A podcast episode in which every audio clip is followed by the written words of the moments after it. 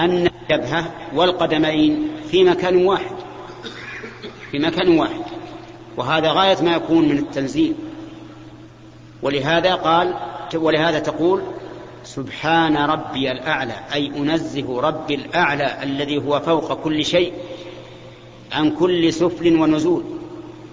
أما أنا فأنا منزل رأس وأشرف أعضائي إلى محل القدمين مداس القدمين.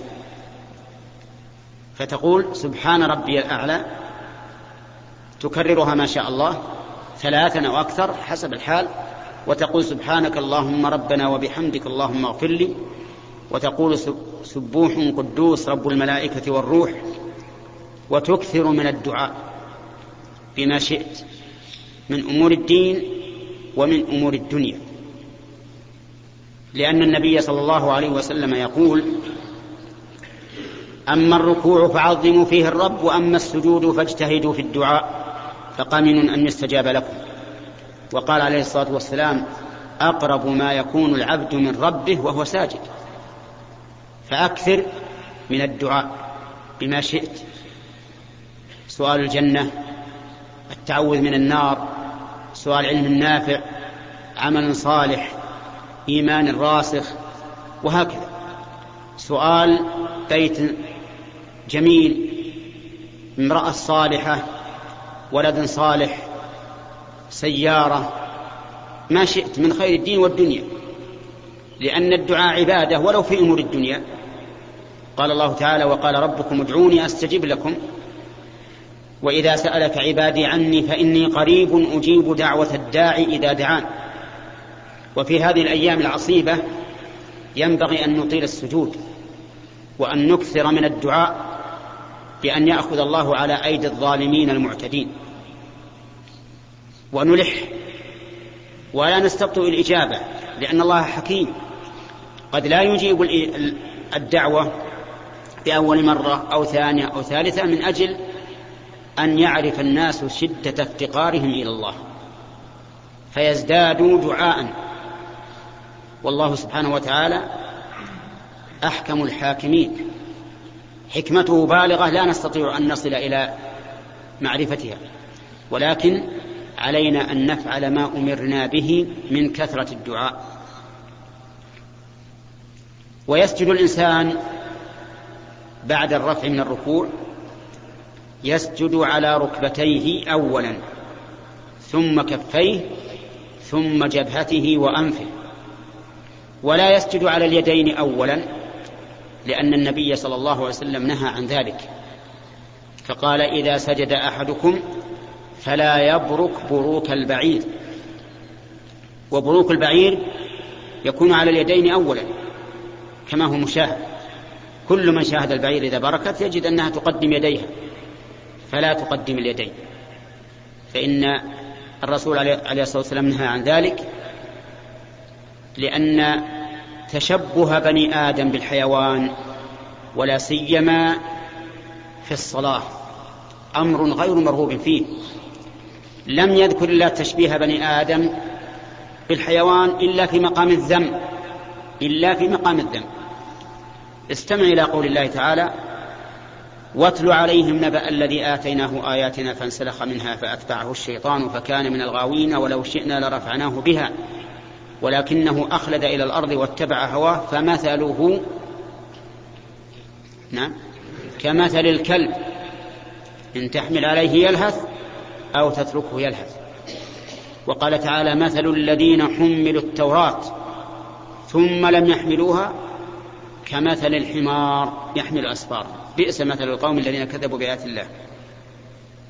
وقال النبي صلى الله عليه وسلم العائد في هبته كالكلب يقيء ثم يعود في قيئه وقال صلى الله عليه وسلم الذي يتكلم يوم الجمعة والإمام يخطب كمثل الحمار يحمل أسفارا. فأنت ترى أن تشبيه بني آدم بالحيوان لم يكن إلا في مقام الذم. ولهذا نهي المصلي أن يبرك كما تبرك البعير. فيقدم يديه بل قدم الركبتين إلا إذا كان هناك عذر كرجل كبير يشق عليه أن ينزل الركبتين أولا فلا حرج أو إنسان مريض أو إنسان في ركبتيه أذى أو ما أشبه ذلك. ولا بد أن يكون السجود على الأعضاء السبعة الجبهة والأنف تبع لها والكفين هذه ثلاثة والركبتين هذه خمسة وأطراف القدمين الأصابع. هذه سبعة. أمرنا أن نسجد عليها كما قال النبي عليه الصلاة والسلام والذي أمرنا ربنا عز وجل. فنقول سمعا وطاعة ونسجد على الأعضاء السبعة في جميع السجود. ما دمنا ساجدين فلا يجوز أن نرفع شيئا من هذه الأعضاء. لا بد أن تبقى هذه الأعضاء ما دمنا ساجدين. وفي حال السجود ينبغي ينبغي للإنسان في حال السجود أن يضم قدميه بعضهما إلى بعض. لا يفرج. يضم القدمين بعضهما إلى بعض. أما الركبتان فلم يرد فيهما شيء فتبقى على ما هي عليه على الطبيعة. وأما اليدان فتكون على حذو المنكبين أي يعني الكتفين. أو تكون تقدمها قليلا حتى تسجد بينهما. يعني فيها صفتين في في القدم في الكفين لها الكفان لها صفتان. الصفة الأولى أن تردها قليلا حتى تكون على حذاء الكتف. والصفة الثانية أن تقدمها قليلا حتى تكون على حذاء الجبهة. لأن كل هذا ورد عن النبي صلى الله عليه وسلم. وينبغي أيضا أن تجافي عضديك عن جنبيك وأن ترفع ظهرك. ارفع ظهرك وجاف اليدين عن المنكبين. إلا إذا كنت في الصف وخفت أن يتأذى جارك من مجافاة العضدين فلا تؤذي جارك لأنه لا ينبغي أن تفعل سنة يتأذى بها أخوك المسلم وتشوش عليه. وقد رأيت بعض الإخوة الذين يحبون أن يطبقوا السنة يمتدون في حال السجود امتدادا طويلا حتى تكاد تقول إنهم منبطحون. وهذا لا شك أنه خلاف السنة وهو بدعة. بل السنة أن ترفع ظهرك وتعلولي فيه. وهذه الصفة التي أشرت إليها من بعض الإخوة كما أنها خلاف السنة ففيها إرهاق عظيم للبدن لأن التحمل يكون على الجبهة والأنف في هذه الحال. وتجد الإنسان يضجر من بطالة السجود ففيها مخالفة للسنة وفيها تعذيب للبدن. فلهذا ينبغي إذا رأيتم أحدا يسجد على هذه الكيفية يعني يمد ظهره أن ترشدوه إلى الحق وتقول له هذا ليس بسنة. وينبغي في حال السجود أيضا أن يكون الإنسان خاشعا لله عز وجل مستحضرا علو الله سبحانه وتعالى لأنك ستقول سبحان ربي الأعلى أي تنزيها له بعلوه عز وجل عن كل سفل ونزول. ونحن نعتقد بأن الله تعالى عال بذاته فوق جميع مخلوقاته. كما قال تعالى سبح اسم ربك الأعلى وإثبات علو الله في القرآن والسنة أكثر من أن يحصر. والإنسان إذا دعا ربه لا يرفع يديه إلا إلى السماء إلى الله عز وجل في السماء فوق كل شيء. وقد ذكر الله تعالى أنه استوى على عرشه في سبع, في سبع آيات من القرآن. والعرش أعلى المخلوقات والله فوق العرش جل وعلا. والله موفق. بسم الله الرحيم. الحمد لله رب العالمين والصلاة والسلام على نبينا محمد وعلى آله وأصحابه ومن تبعهم بإحسان إلى يوم الدين. أما بعد فقد سبق لنا ما يسر الله من الكلام على إقام الصلاة. وذكرنا أنه لا بد في السجود من أن يسجد الإنسان على الأعضاء السبعة الجبهة ومنها الأنف والكفين والركبتين وأطراف القدمين. لأن النبي صلى الله عليه وسلم قال أمرنا أن نسجد على سبعة أعظم وذكرها. ومن أركان الصلاة الطمأنينة يعني الاستقرار والسكون في أركان الصلاة. يطمئن في القيام وفي الركوع وفي القيام بعد الركوع وفي السجود وفي الجلوس بين السجدتين وفي, وفي بقية أركان الصلاة. وذلك لما أخرج الشيخان البخاري ومسلم من حديث أبي هريرة رضي الله عنه أن رجلا جاء فدخل المسجد فصلى ثم سلم على النبي صلى الله عليه وسلم فرد عليه السلام وقال أرجع فصل فإنك لم تصلي ارجع فصل فإنك لم تصلي يعني لم تصلي صلاة تجزئك.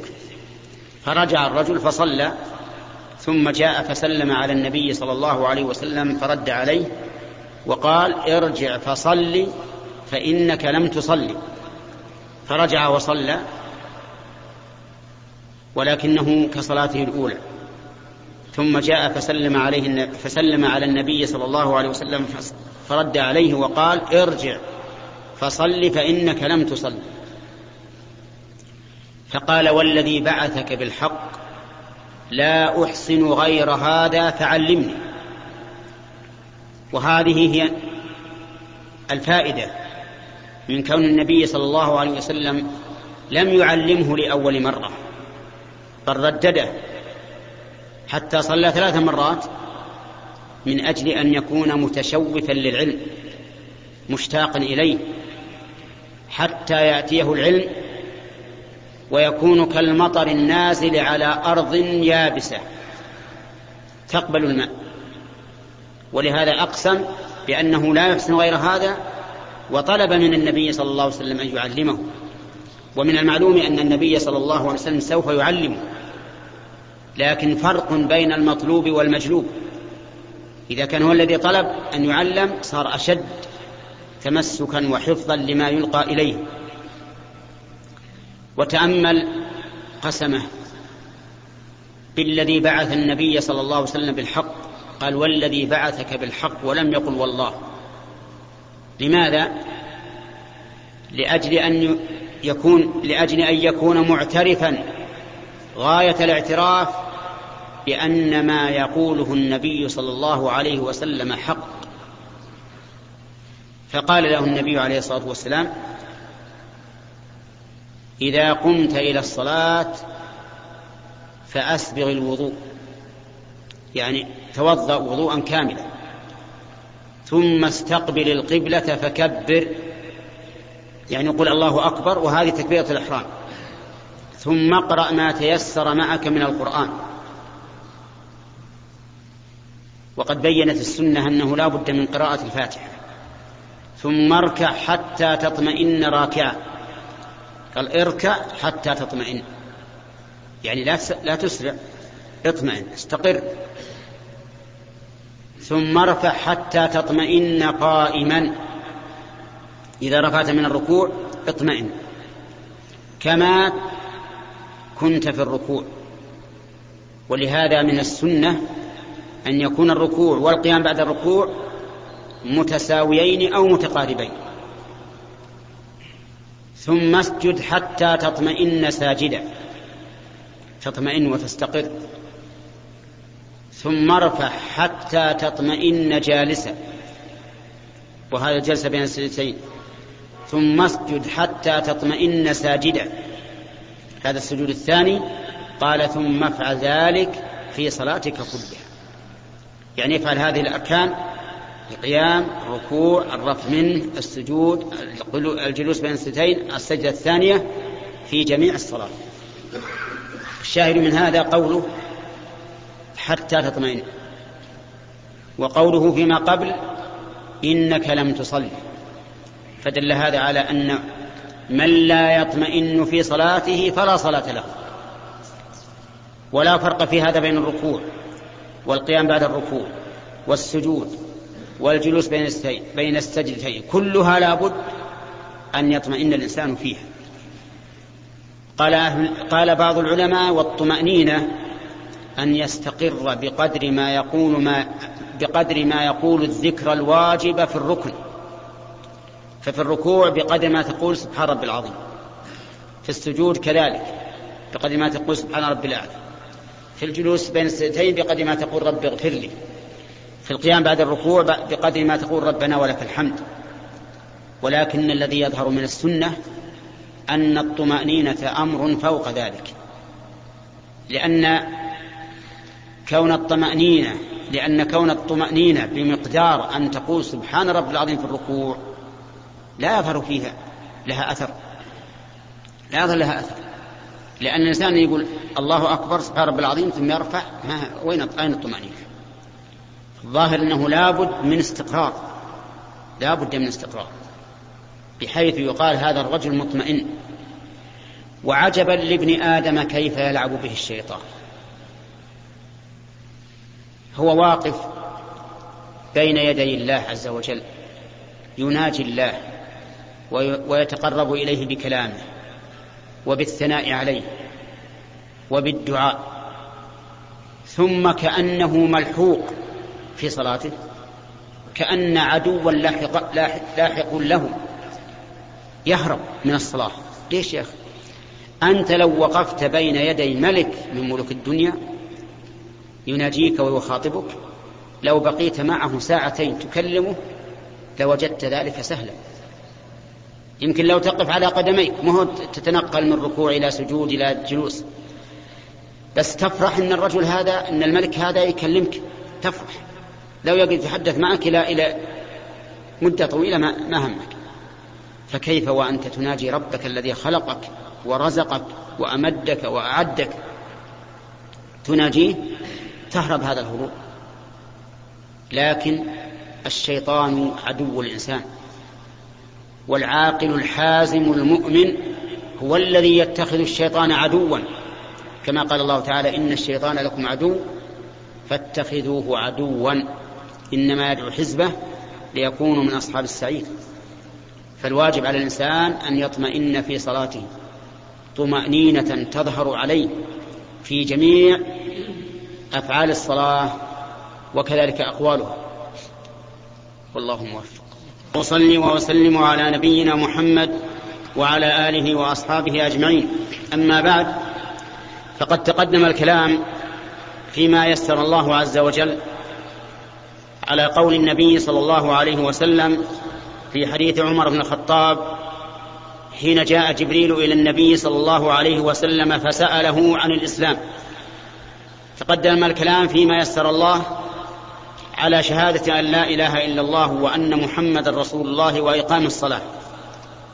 أما الثالث فهو إيتاء الزكاة ولكن قبل أن نبدأ به نذكر ما حكم من لم يقم الصلاة؟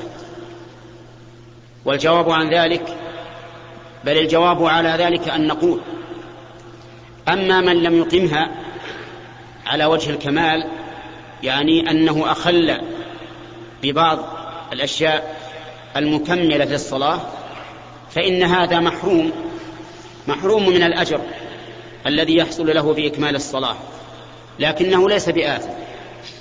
يعني مثلا لو اقتصر على قول سبحان رب العظيم في الركوع مع الطمأنينة لكان كافيا لكنه محروم من زيادة الأجر في التسبيح. وأما من لم يقمها أصلا يعني أنه ترك بالكلية فهذا كافر مرتد عن الإسلام كفرا مخرجا عن الملة.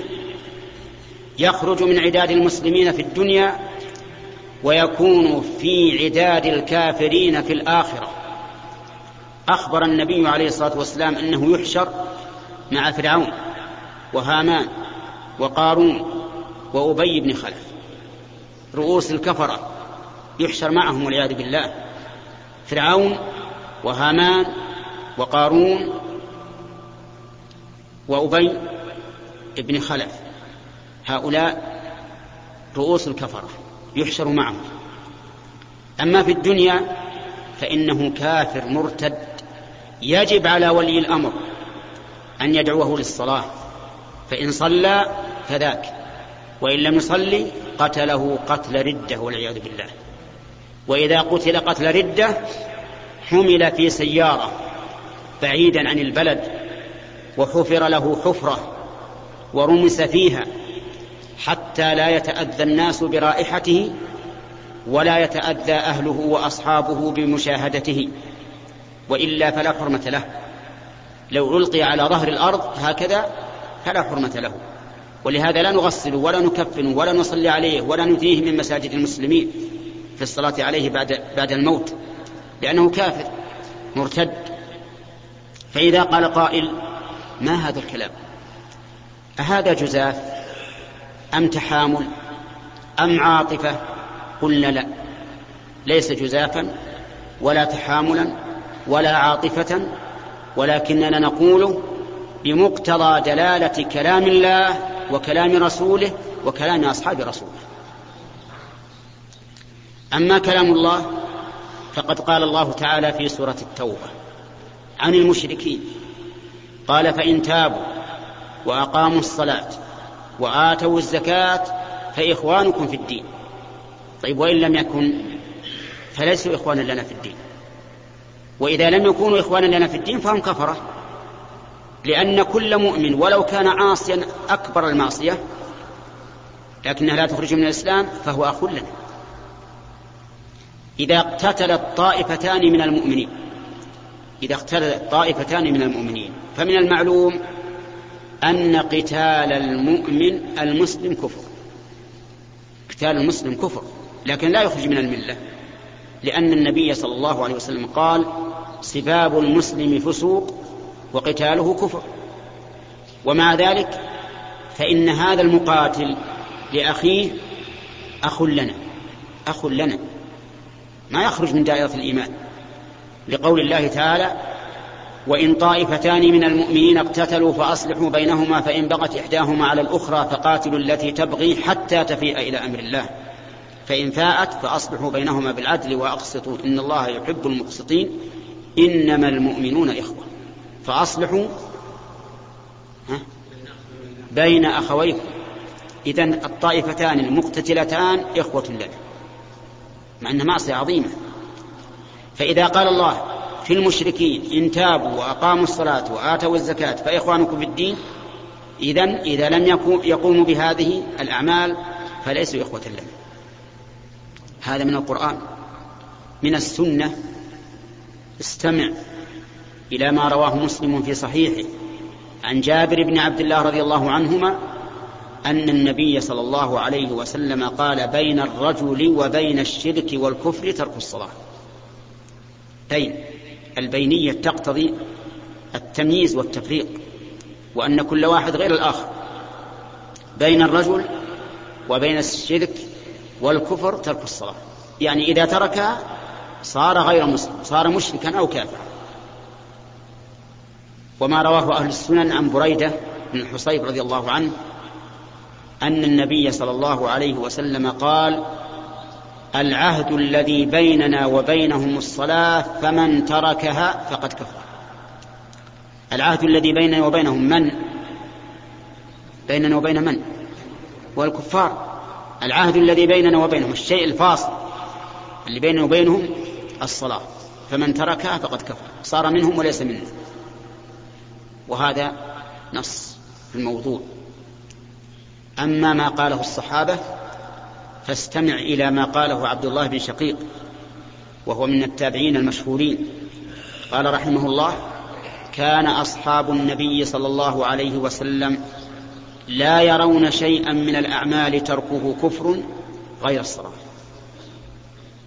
أصحاب النبي أصحاب النبي لا يرون شيئا من الأعمال تركه كفر غير الصلاة. وقد نقل إجماع الصحابة على كفر تارك الصلاة إسحاق بن راهوية الإمام المشهور وبعض أهل العلم أن الصحابة أجمعوا على ذلك. وإذا قدر أن فيهم من خالف فإن جمهورهم أهل الفتوى منهم يقولون إنه كافر. هذه أدلة من من كلام الله وكلام رسوله وكلام الصحابة. وقال عمر بن الخطاب ونهيك به لا حظ في الإسلام لمن ترك الصلاة. لا حظ في الإسلام لمن ترك الصلاة. ولا هذه نافية لإيش؟ ها؟ للجنس. نافية للجنس. تنفي القليل والكثير. يعني لا حظ لا قليلا ولا كثيرا في الإسلام لمن ترك الصلاة. والذي ليس له حظ لا قليل ولا كثير في الإسلام ما هو إلا كافر. إذن فمن ترك الصلاة فهو كافر. يترتب على هذا أمور دنيوية وأمور أخروية. الأمور الدنيوية أولا أنه يدعى إلى الصلاة فإن صلى وإلا قتل يجب على ولاة الأمور. وجوبا وهم إذا فرطوا في هذا فسوف يسألهم الله إذا وقفوا بين يديه. لأن كل مسلم ارتد عن الإسلام فإنه يدعى إليه فإن رجع وإلا قتل قال النبي صلى الله عليه وسلم من بدل دينه فاقتلوه. ثانيا لا يزوج إذا خطب. وإن زوج فالعقد باطل والمرأة لا تحل له. يطأها وهو يطأ أجنبية والعياذ بالله. لأن العقد غير صحيح. لقوله تعالى فإن علمتموهن مؤمنات فلا ترجعوهن إلى الكفار لا هن حل لهم ولا هم يحلون لهن. ثالثا أنه لا ولاية له لا على أولاده ولا على أخواته ولا على أحد من الناس لأن الكافر لا يمكن أن يكون وليا على مسلم أبدا حتى بنته ما يزوجها. لو فرضنا واحد بعد ما تزوج كبر صار له بنات صار لا يصلي والعياذ بالله فإنه لا يمكن أن يزوج بنته. لا يمكن أن يزوج بنته. ولكن إذا قال قائل مشكل هذا يوجد ناس الآن لهم بنات وهم ما يصلون كيف نعمل؟ نقول في مثل هذه الحال إذا كان لا يمكن التخلص من أن يعقدوا النكاح للبنات فإن الزوج يخلي أخوها إن كان لها أخو كبير بالغ يعقد له بالسر حتى تحله أو عمها مثلا أو أحد من عصباتها الأقرب فالأقرب حسب الترتيب في الولاية. حتى يتزوج امرأته بعقد صحيح. أما عقد أبيها لها وهو مرتد كافر ما يصح. غير صحيح. لو يعقد ألف مرة فليس بشيء. وإن شاء الله تعالى يأتي بقية الأحكام في هذا.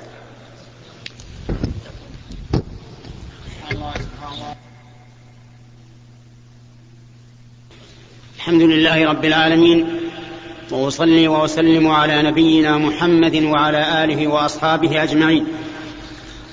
سبق لنا الكلام على حكم تارك الصلاة وأن الذي دل عليه كلام الله وكلام رسوله وكلام عامة الصحابة أن تارك الصلاة كافر كفرا مخرجا عن الملة. وقد ذهب بعض العلماء إلى أنه لا يكفر كفرا مخرجا عن الملة. واستدلوا ببعض النصوص ولكن هذه النصوص لا تخرج عن أمور عن أحوال خمس. إما أنه ليس فيها دلالة أصلا على هذا إما أنه ليس فيها دلالة أصلا على هذه المسألة.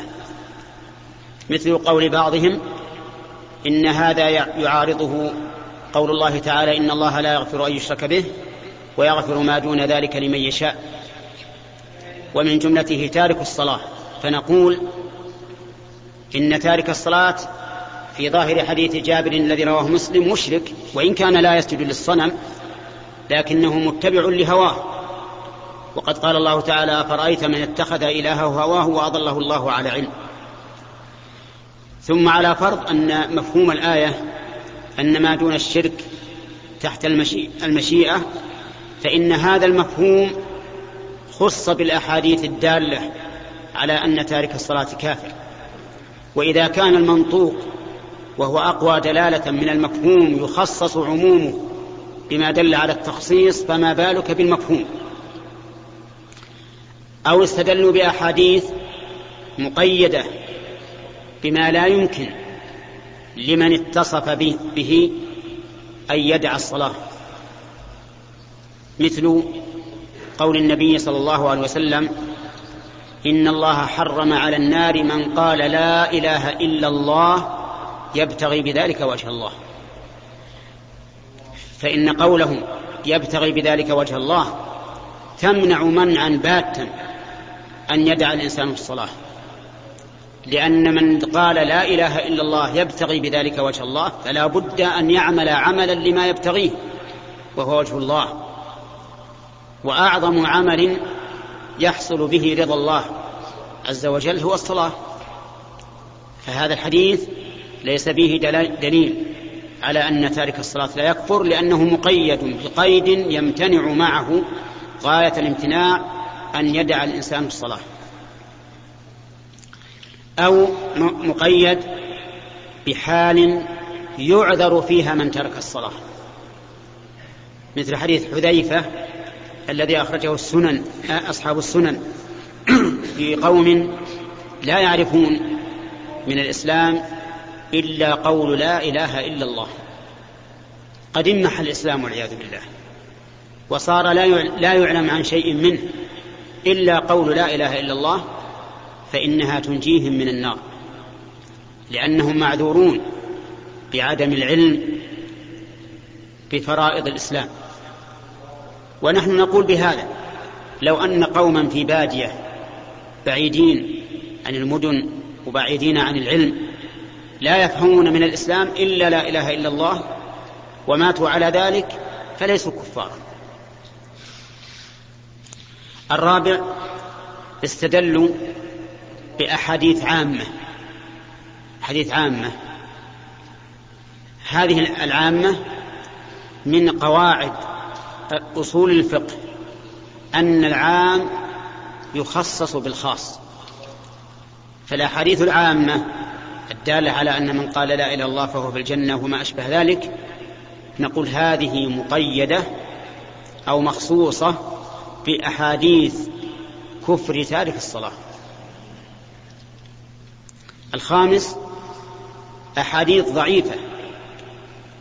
أحاديث ضعيفة استدلوا بها لا تقاوم الأحاديث الصحيحة الدالة على كفر تارك الصلاة فضلا عن أن تعارضها. فهي لا تعارض ولا تقاوم الأحاديث الدالة على كفر تارك الصلاة. ثم إن بعضهم لما لم يتيسر له إقامة الدليل على أن تارك الصلاة لا يكفر قال إنه يحمل قوله صلى الله عليه وسلم بين الرجل وبين الشرك والكفر ترك الصلاة على الكفر الأصغر والشرك الأصغر.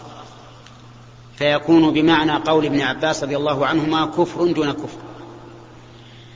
فيقال ما الذي يوجب لنا أن نحمل الحديث على ذلك؟ لأن الكفر إذا أطلق ولم يوجد له معارض فهو الكفر الحقيقي الأكبر. كيف وقد قال الرسول عليه الصلاة والسلام بين الرجل وبين الكفر والشرك؟ فجعل هناك حدا فاصلا. بين البينية تقتضي أن المتباينين منفصلان بعضهما عن بعض. وأن المراد بالكفر الكفر الأكبر. وحينئذ تكون أدلة القول بكفر تارك الصلاة موجبة لا معارض لها ولا مقاوم لها والواجب على العبد المؤمن إذا دلت كتاب الله وسنة رسوله صلى الله عليه وسلم على حكم من الأحكام أن يقول به لأننا نحن لسنا مشرعين المشرع الله.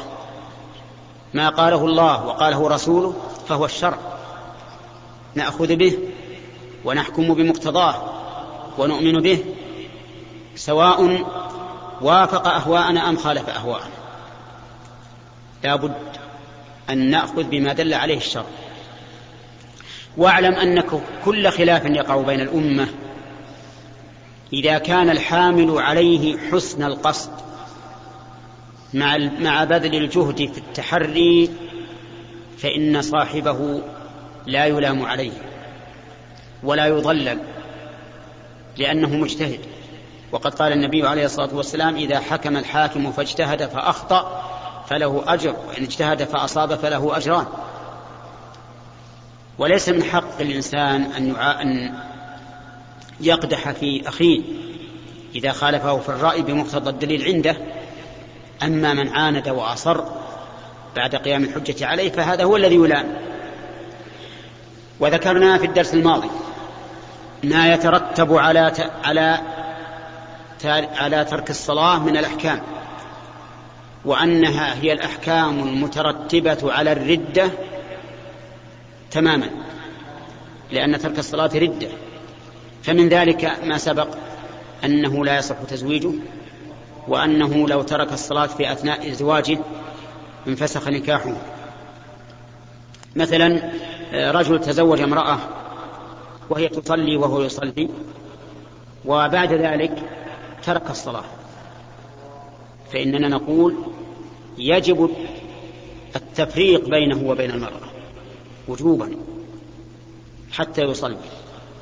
فإذا فرقنا بينهما واعتدت لا فإن فإنه لا يمكن أن يرجع إليها. لا يمكن أن يرجع. أما قبل انتهاء العدة فإنه إذا أسلم ورجع إلى الإسلام وصلى فهي زوجته. أما إذا انتهت العدة فقد انفصلت منه ولا تحل له إلا بعقد جديد على قول جمهور أهل العلم. وبعضهم يقول إنها إذا انتهت العدة ملكت نفسها ولكن لو أسلم وأرادت أن ترجع إليه فلا بأس بدون عقد. وهذا القول هو الراجح لدلالة السنة عليه. لكن فائدة العدة هو أنها قبل العدة لا خيار لها إذا أسلم وأما بعد العدة فلها الخيار إذا أسلم إن شاءت رجعت إليه وإن شاءت لم ترجع. ومن ذلك أيضا أنه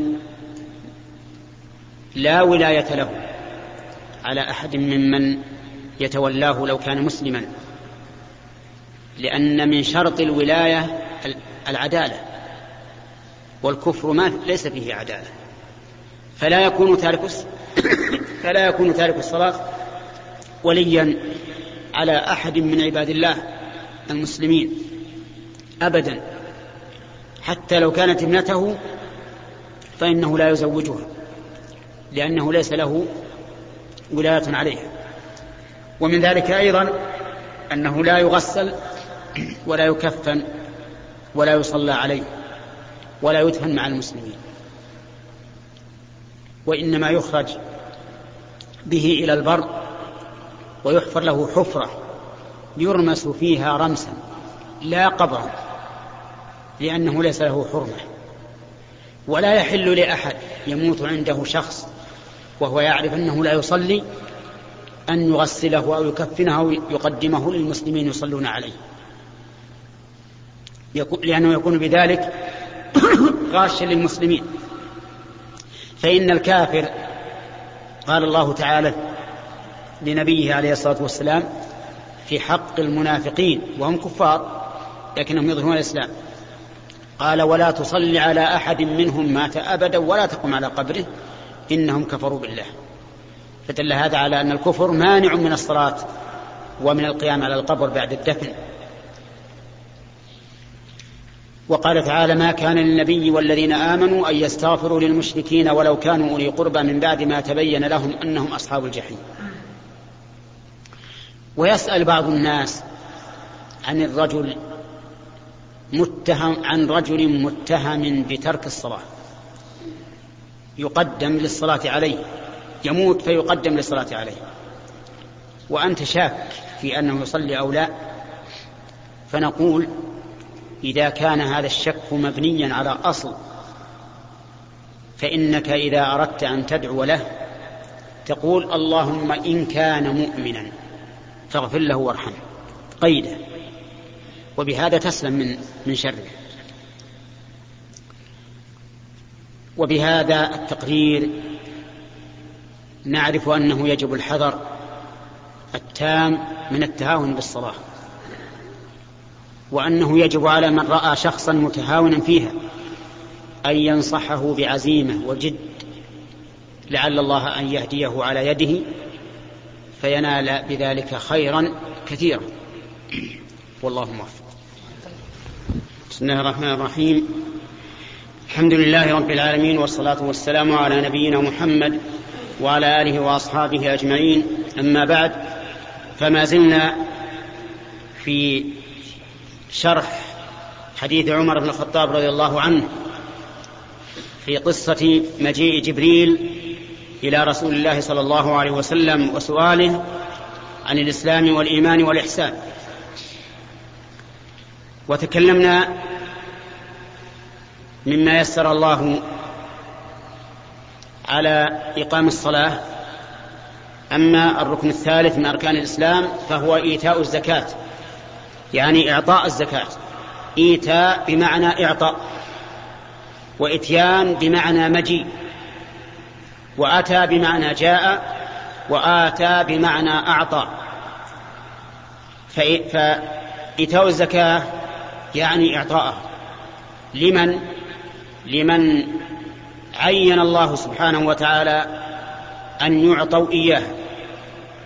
والزكاة مأخوذة من الزكاة وهو الطهارة والنماء لأن المزكي يطهر نفسه من البخل وينمي ماله بالزكاة.